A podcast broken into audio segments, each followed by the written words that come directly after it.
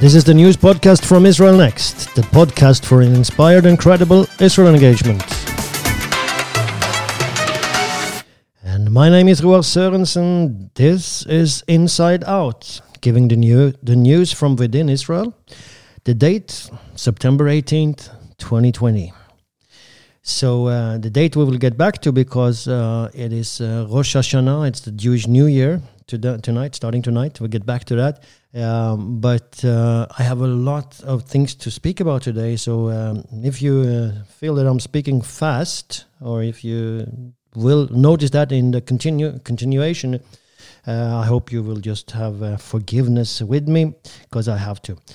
Anyway, uh, the first thing that we're going to talk about has to do with the national closure at uh, as Rosh Hashanah starts, because Israel is the first nation that now goes into national closure number two, uh, as far as I know, at least, and that's what they're also saying in Israel.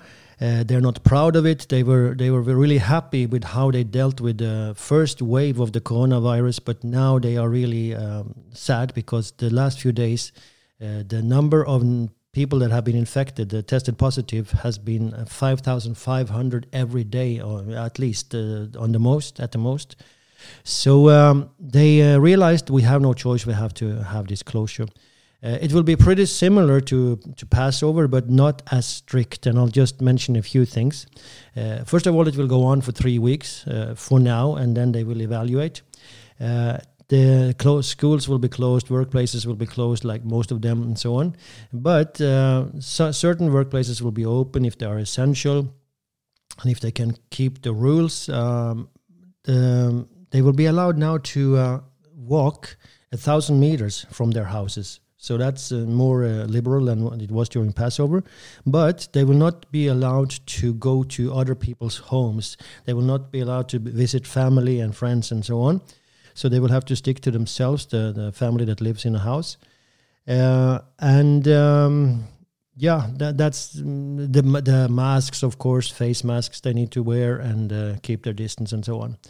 So uh, there are there's a lot of discontent because uh, many feel, as we have said previously, that the government hasn't handled this issue very well. That, that, they have been contradictory in how they have the orders that they have given. They have been open they have given liberal uh, rules to some groups and less liberal to other groups. So there are those who say they will not uh, obey these rules this time. And because of that, there has been a campaign in Israeli media from the government, but also from others, organizations and so on, that we really need to keep this uh, these uh, Seger, this national closure, because uh, what we do know, there are many things we don't know when it comes to the corona, but what we do know is that this helped. Last time we did it, it, it helped.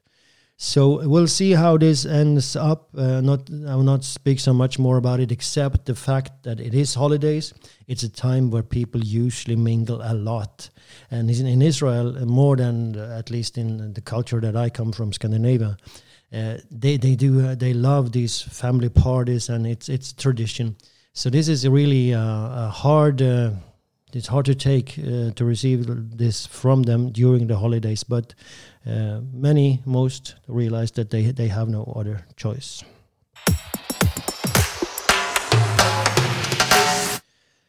We'll go to the next uh, issue, which is uh, has to do with uh, the peace in the Middle East, agreements with Emirates and Bahrain.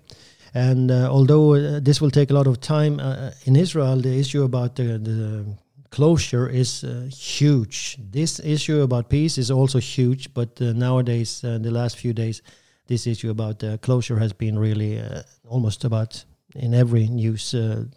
I mean, taken all the time. But anyway, let's go to the this peace agreement.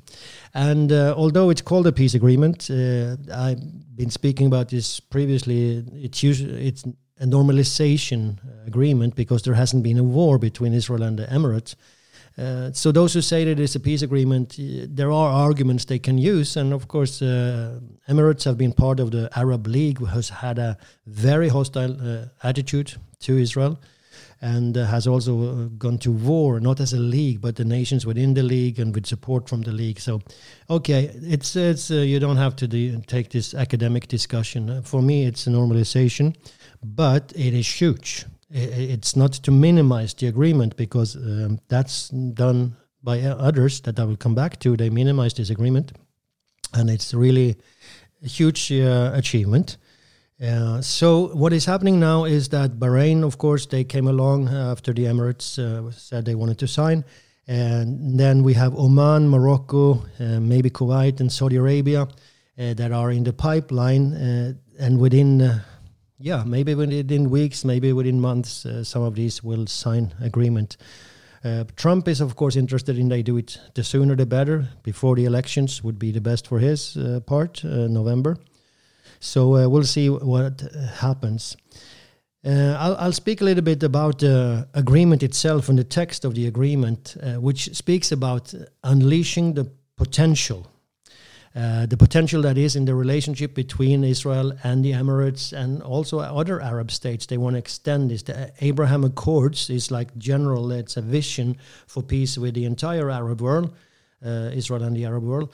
And uh, speaks about unleashing the the potential, and it is really a huge potential. I mean, if if they could cooperate, you can just imagine what uh, what things could come out of it the Emirates is already a very well developed nation, and uh, Israelis who have gone there, it's it's interesting. They they are so impressed by everything they see and uh, the the order, the um, architecture, the the standard. So uh, I've been listening to Israelis who have been been down there since the agreement was signed, uh, and and yeah, the first part of that step, and uh, they are sending marvelous reports. It's very fun to listen to these Israelis going down there and uh, they, they also uh, the reporters in Israel they asked them so uh, how are you welcomed are, are, you afraid do you go out alone or do you have guards because Israelis are used to that in many nations that they have to have guards with them when they go out. And other places they have to be armed or uh, well maybe not armed because they're not allowed to in other countries usually but uh, have armed guards with them and so on and always be on their guard.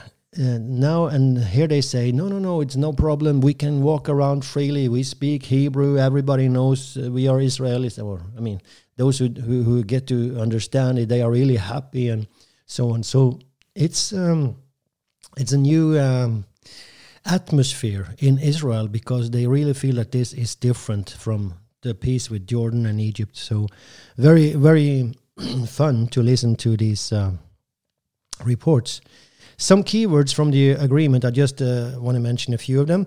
Uh, so it speaks about fostering in the Middle East a reality in which Muslims, Jews, Christians, and peoples of all faiths are committed to a spirit of coexistence, mutual understanding, and respect. And this is beautiful. This is really something uh, that is needed. Uh, respect and uh, mutual understanding, coexistence. It's not words that Israel has been used to hearing from the Arab world. So um, one might also hope that this will be reflected in Israel. And when I say in Israel, I mean in Jerusalem. And when I say in Jerusalem, I mean also on the Temple Mount. Because even there, uh, Jews, the Jew, Jewish rights, everybody than Muslims, other rights than Muslim rights are not respected on the Temple Mount. So that's um, also part of the story. The, another quote from the deal is that they will continue their efforts to achieve a, a just, comprehensive, realistic, and enduring solution to the Israeli Palestinian conflict. So, uh, although this is a, an agreement between Israel and the Emirates, this is mentioned. Uh, but it's interesting what is not mentioned. Two state solution is not mentioned, just a, uh, a, realistic and enduring and a just solution to the conflict. But the words two state solution are missing, which is uh, interesting. I'll come back to that. Uh, the third quote I want to give is that we are committed to working together to realize a negotiated su- solution to the Israeli Palestinian conflict that meets the legitimate needs and aspirations of both peoples. Now, that last wording is a little problematic, uh, meets the legitimate needs and aspirations of both peoples, because the aspirations of the peoples, of, of the Palestinians, Palestinian Arabs, and the Israelis uh, are incompatible that that's just the way it is. The the minimum that the Palestinian Arabs are willing to offer Israel is less than the the, the minimum that Israel's uh, the maximum that they are um, uh, willing to offer is less than the minimum that Israelis are willing to accept, and the uh, other way around.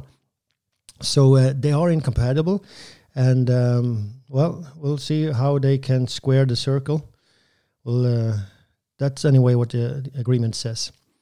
Now, a word about uh, this uh, thing with annexation or uh, uh, declaring Israeli sovereignty in parts of Judea and Samaria, which was on the agenda before this uh, agreement was signed.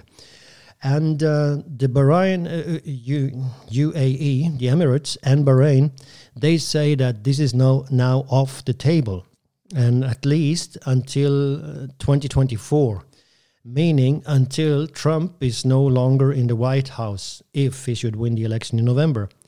So they wanted to make sure that that uh, Trump can never go for this support Israeli annexation, and and they are sure that when Trump is gone, there's not another president in the U.S. that will support such a move. Uh, sure of, but that's their hope, and uh, likely one.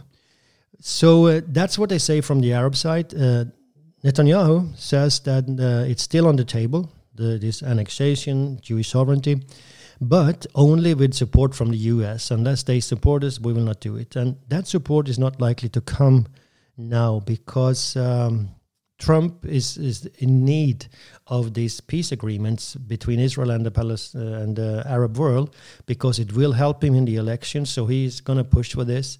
He's also been nominated to the Nobel Peace Prize, so of course that is a other motivating factor to to go in that direction instead of going for Israeli sovereignty in Judea and Samaria. And I don't think I don't think Trump has like a principled stand on the Jewish rights in Judea and Samaria. I mean, he he is kind of this uh, pragmatic guy that goes wherever the reward is the highest. Uh, that's that's my feeling. Uh, although, I mean, when he moved the embassy, he went against all odds. Uh, so uh, he he also does what he believes in. So we'll we'll see where this uh, takes us. Just uh, for my own part, and I've said this uh, before, I believe the order of events should have been different. Israel should first have gone. and declared declared the sovereignty in Judea and Samaria, then entered into peace agreements with with these Arab states. I'm sure that it would not have prevented Israeli sovereignty would not have prevented these agreements. It would have delayed them maybe with a few months. But they are so keen on getting into good relations with Israel because they see the potential that is there. And uh, Israeli sovereignty is so needed to protect these areas, and will, because there are so much archaeology in these areas that is being destroyed when Israel is not there. We'll come back to that. Uh, but also, uh, the Jewish uh, settlers they, they need orderly uh, conditions. They they need to be part of Israel so they can develop as they should in, in a normal way and not uh, living under this threat of will they be handed over, will their houses be handed over to a Palestinian state in the future, and so on. Uh, nothing good comes out of this insecurity. And of course, it's also so right. Uh, Israeli sovereignty here is so right, morally, legally, juridically um, historically, yeah, it's so right. But with these agreements, it becomes more difficult because they now have a pressure on Israel, these Arab states. So um, I think the order should have been different, but doesn't prevent me from re- really rejoicing over this agreement and also the potential that it gives for agreements with other nations. So what has happened is as well uh, that the new alliances uh, have been formed or at least strengthened as a result of this agreement, and um, the the alliance between Israel and the moderate Sunni states, Sunni Muslim states, uh, of course, has been strengthened. Israel has for a long time had uh, good relations and and um, with Egypt uh, when it comes to even to security, Jordan as well, and uh, with uh, the Emirates for decades and other other nations. So these moderate Saudi Arabia as well. So this this is being strengthened now.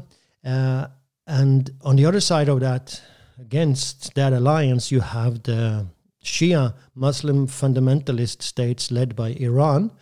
Um, and, and, you have Syria as well, which is not really Shia, but uh, it's largely Sunni. The majority is Sunni, but led by this uh, regime, Alawite regime that is um, supporting Iran, supported by Iran. And you have Lebanon uh, with Hezbollah, and Lebanon itself is, is maybe not so keen on this cooperation with Iran, but uh, Hezbollah is. So, so you have the axis of Iran and, and the alliance led by Iran that stands against uh, these moderate Muslim nations and Israel. So anyway, uh, that is a good thing that this Israeli alliance with these states are is strengthened. A worrying thing, uh, if we go back to the um, what happened in Washington and the signing of the agreement, is that when Donald Trump was speaking about this, he used the word Al-Aqsa about the Temple Mount. He, he, talked about how Muslims now can come to Al-Aqsa to pray, and then he mentioned this Al-Aqsa again. And uh, you can understand in the context when he speaks about Muslims, he uses the term Al Aqsa, but not using the term the Temple Mount is extremely problematic. He should have used both. And, and when you speak about the place in general, you should definitely use the term Temple Mount because that's what it is. And, and we won't have time to go into the history, but those uh, mosques would not have been on that mountain if it were not for the, that the temple stood there before. That, that's that's the historical reason why they are there. So er, everything goes back to the Temple Mount, and that's uh, how it should be called. Now, words. Um, this is important. The use of words is extremely important because it sends a message. And the more this word is used, Al Aqsa, the less the Jewish connection to the pl- to the place will be in the minds of people. Not in reality, of course, but in the minds of people. What what what do Jews have to do at Al Aqsa, which is a mosque? So um, I'm I was really worried about that use and uh, hope it will be corrected in the future. Uh, just one uh, final note on this uh, is that uh, an Israeli news reporter, analyst, uh, Amnon Abramovitz, he said that he, he comes from the Israeli left, and he said that um, the Israeli right might very well be longing for Trump version 1 if he would succeed in winning the elections now and sit for another period. That would be Trump version 2 because he thinks that uh, Trump's um, now Trump is now obsessed with uh, this Israel Arab world uh, relations and uh, is much less keen on giving privileges to Israel such as annexation and um, other things that yeah, it might even demand a freeze in building of uh, in the settlements in order to uh, to please the Arab world. That's what Amnon Abramovitz says. I don't know. It's an interesting observation.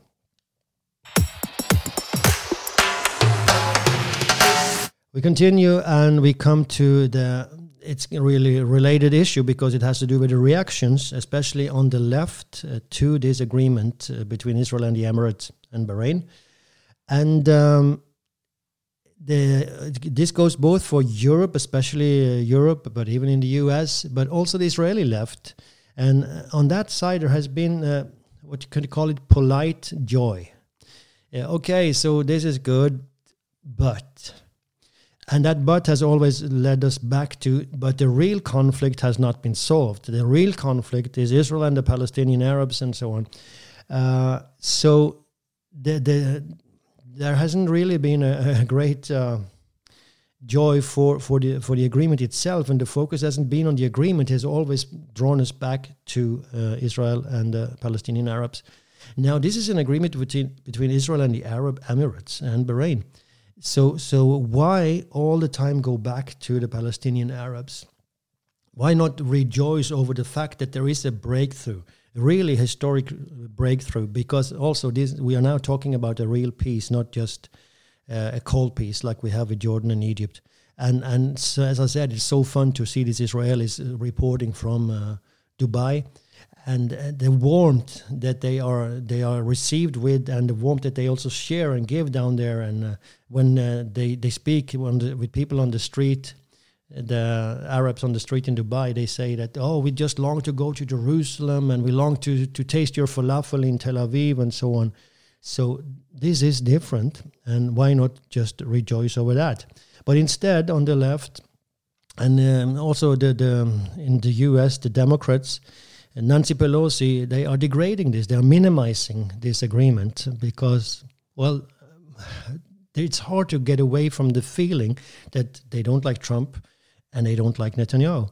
So uh, Nancy Pelosi is calling it a distraction. Well, it's good that he Trump got his distraction. is good for him, uh, so he can take focus away from uh, all his failures Uh, so um, that that's the way she related to it. Instead of uh, really rejoicing over a breakthrough in Israel, in the Middle East in in general, uh, there's also this claim that Israel is seeking peace with dictatorships. Like uh, murmuring, "Okay, so Israel is entering to peace with dictatorships. Is that really such a big deal?" And and some even say that uh, if the people would have decided, because in the Emirates, it's not the people that are deciding; it's the elite, the ruling elite if the people would have decided, they say, uh, they would have voted against normalization. As I already pointed out, uh, the message that Israelis on the street in Dubai get is different. It's really longing for this. So, uh, but again, this murmuring bitterness is is not fitting for the left that usually goes under the flag of, of peace. Uh, and I've ne- I didn't hear that argument. Uh, I've never heard that argument in relationship to Egypt and Jordan, the peace that Israel Israel entered into with these nations. They never said that okay, that this is problematic because these are dictatorships. Uh, I, I, at least I cannot recall that. So um, a little hypocrisy in that, and uh, that hypocrisy is even more obvious by the fact that European nations they already have relationship with these nations so, so what do they demand from demand from Israel? Now, the, and the final thing is, of course, that Israel cannot choose the leadership of the nations they enter into peace with. If there has been trouble in relationship with nations, uh, and and uh, if we want to agree that the Emirates have been part of the Arab League that has been very hostile to Israel, then Israel have to enter into peace with those. excuse me who have been hostile to her. And that's that's the way it is. In the Middle East, there aren't any functioning democracies except for Israel. That's just the way it is. So anyway, this uh, murmuring is not good. In a sane world, well, let me just uh, one more thing before, because this message from the left is kind of echoed by the terrorists in Gaza who are also discontent with the peace agreement. And so they sent uh, 13 rockets and uh, at Israel, and there were several that were injured lightly and one seriously. Uh, no, no one died. But um, when you see this, that okay, so the, the left and the terrorists are, are not so happy with the deal, you wonder who is pushing who, because there is a kind of and, and uh, there is kind of cooperation here not cooperation uh, per se, but what happens is that the, the left has for decades been portraying this conflict as Israel's fault. fault.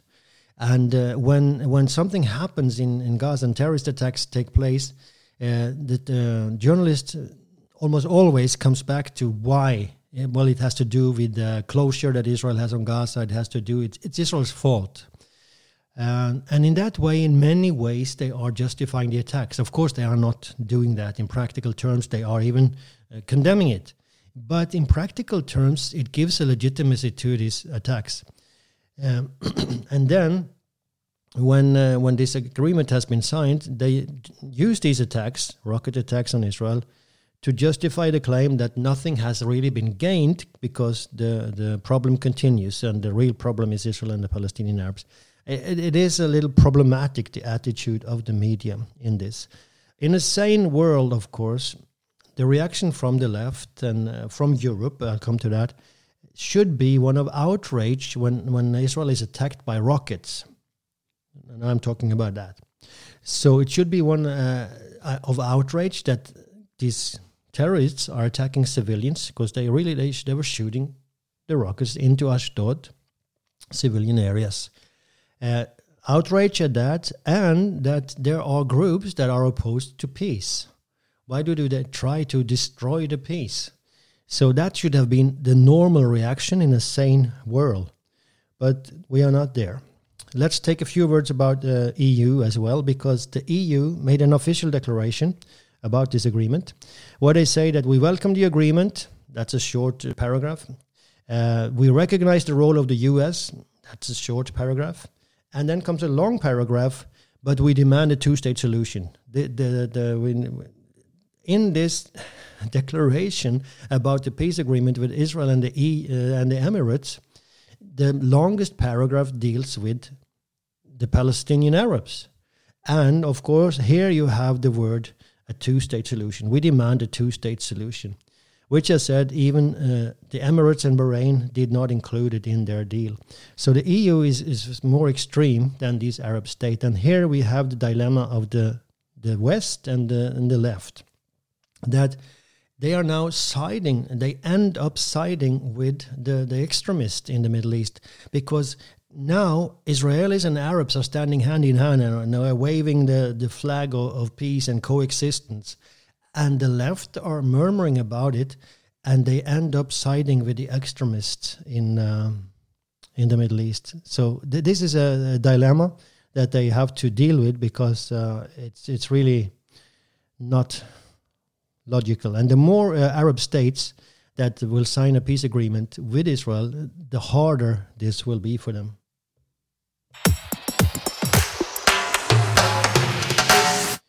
Okay, we are going to the next issue, and it has to do with uh, the challenger that has arisen from the right uh, of Israeli politics to Netanyahu.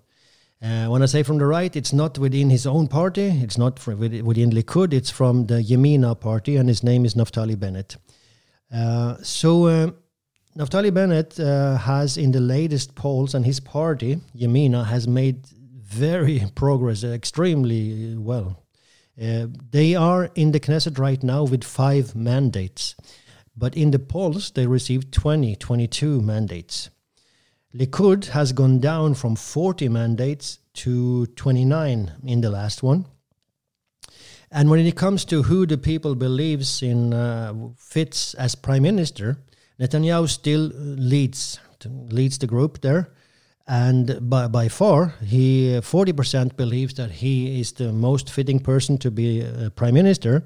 But uh, Naftali Bennett is now on 23% and is number 2 behind uh, Naftali Bennett you have Yair Lapid on 19% and Benny Gantz who is supposed to be prime minister in uh, a year 11% so anyway this is a new situation for um, for Netanyahu. And as far as I know this has never happened before that his greatest contender when it comes to the prime minister chair is a person from the right. Now, Netanyahu is used to defend himself against attacks from the left, and uh, he's a long practice in that, he's good at it, and so on. But attacks from the right, he's not very well uh, fit for. And it's difficult for him because he has always been promoted and, and promoted himself as Mr. Security and a man who guards the Israeli rights and a true Zionist and so on. And now he receives criticism from the Israeli right. So this is an let's say it's an interesting development, and we'll see where it leads because it has been in the previous uh, during previous elections that Naftali Bennett and his party it has diff- had different names uh, throughout uh, these last years. Uh, that party has made very good uh, polling many mandates in the polls, but when it comes to the elections, people shift and then they go to Likud or, or some somewhere somewhere else. So this has happened before, but there is something new going on. Has to do with the corona and how the government is handling the corona situation. Uh, so we'll see. Because Bennett received a lot of credit during the first wave of the corona crisis when he was uh, defense minister. He was part of the, the government. Now he is in the opposition. Uh, but he was the defense minister and he, he did a lot of good things. He is a bitsuist, as they say in Israel, uh, one that makes things happen, executes things, and, and not persons, but things. So, uh, so he is th- that kind of person. Uh, and uh, the people really saw this, and um, that's why he's now harvesting from that. So we'll see uh, what happens, but it's it's a it's an issue that needs to be to be uh, to return to. It's not always easy to find the right English word. So uh, the, that takes us towards the end, but not really yet. We have some archaeology to speak about. Uh, as you probably understood, I'm fascinated by archaeology. And uh, so we have it almost as a permanent post here in the Inside Out. Now, this concerns um, the Arad inscriptions. The Arad inscriptions are pottery sherds that uh, were written on, you know, back then. We were back now in the 7th century before Christ. Uh, that is uh, really just before year 600, 610, 605, 601, around there. And um, that's the time of the prophet Jeremiah, among others. Uh, we have many kings there. Josiah is, is one of them. Uh, but uh, so that's the time period.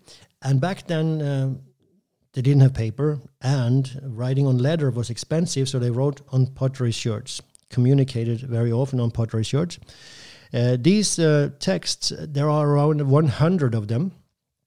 They were found in the 1960s, and so they have been around for a long time. But now they have gone through a new uh, form of uh, research or, or like uh, science, scientific uh, yeah exploration Or that they have tried them uh, again and also using handwriting techniques ex- experts on handwriting. They have they have taken a forensic expert in in the police and uh, that is an expert in handwriting uh, one of the leading ones in the world and she has been looking at these and trying to find out if she can see any patterns. So she didn't take all the hundreds she took 18 that uh, that were the most uh, substantial in, in talks of when we talk of content uh, and and looked at how what can we say from the hand style. Uh, just when it comes to the content uh, it deals very often with the provisions that need to be made because this these were found in a fortress in Arad uh, and uh, it speaks about how much food they need and how much they should send to other fortresses in the neighborhood and so on so uh, that's much of of the communication. There is also a reference to the house of Yud Hey Vav Hey Yahweh, the house of God. Uh, and um, there is also uh, mention of the king of Judah. So, anyway, she looked at this and she found out that of these 18 uh, that she um, selected, there were 12 different authors. So, uh, which proves that, wow, many people were able to read and write at a time. Uh, because it's a, it's a limited time.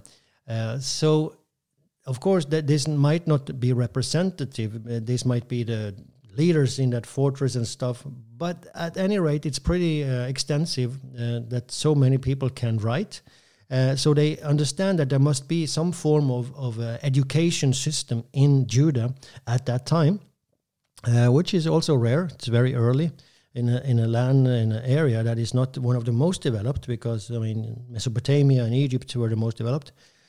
So anyway, that's one thing that she learns. She, based on that, she can also uh, say the sequence, or, or, at least make it likely that this is the sequence of some of these letters. And based on that sequence, she can also tell what is the line of command between who is writing here. So, based on that, again, can say something about the structure of the military and society uh, and so on. It's just very interesting that with modern techniques uh, and uh, with the artificial intelligence also that they have used and uh, these handwriting styles and so on, we can find out more about society back then. And it's just another little piece of the puzzle uh, last week we, we spoke about the pottery workshop in the outskirts of Jerusalem, and uh, it gave another picture. The week before we spoke about the fingerprints that uh, show that there were young and elderly people working on making pottery. Yeah, there were men, men and women and so on. So there are pieces that come to us day by day and uh, really paints more and more of this picture of the world of the Bible. So that was number one of these things that I wanted to say, the archaeological thing. The the second is just very briefly that uh, if go back to really the first case uh, or, or, the deal with the Arabs, if Israel and the Palestinian Authority were to agree to the deal that Trump has uh, come forward with, the deal of the century, that means that uh, many of the archaeological sites in Judea and Samaria would end up in the hands of the Palestinian Authority. We have already seen what is happening to those sites that are currently in their hands. They are neglected, they are robbed, uh, they are destroyed, and they are changed. Their, their, their, identity, the names of the places are changed. They become Arab sites instead of Jewish biblical sites. They, they, put up signs that uh, tell this. and so on. Give an alternative story to the site. So that's what will happen if the deal is implemented. So um, that's another argument for why Israeli control of these areas are needed. And there, there was a lot more to say about this. I'll just mention some of the places that would come under Palestinian Authority rule or a Palestinian state in that case, which is Tel Hebron, which is the biblical Hebron. It's the Joshua's altar on Mount Ebal. Uh, it's Samaria, the, the biblical city of Samaria uh, it's the Hasmonean palaces in Jericho, and it's uh, Beitar. The, it's an important place in Jewish history after the Bible.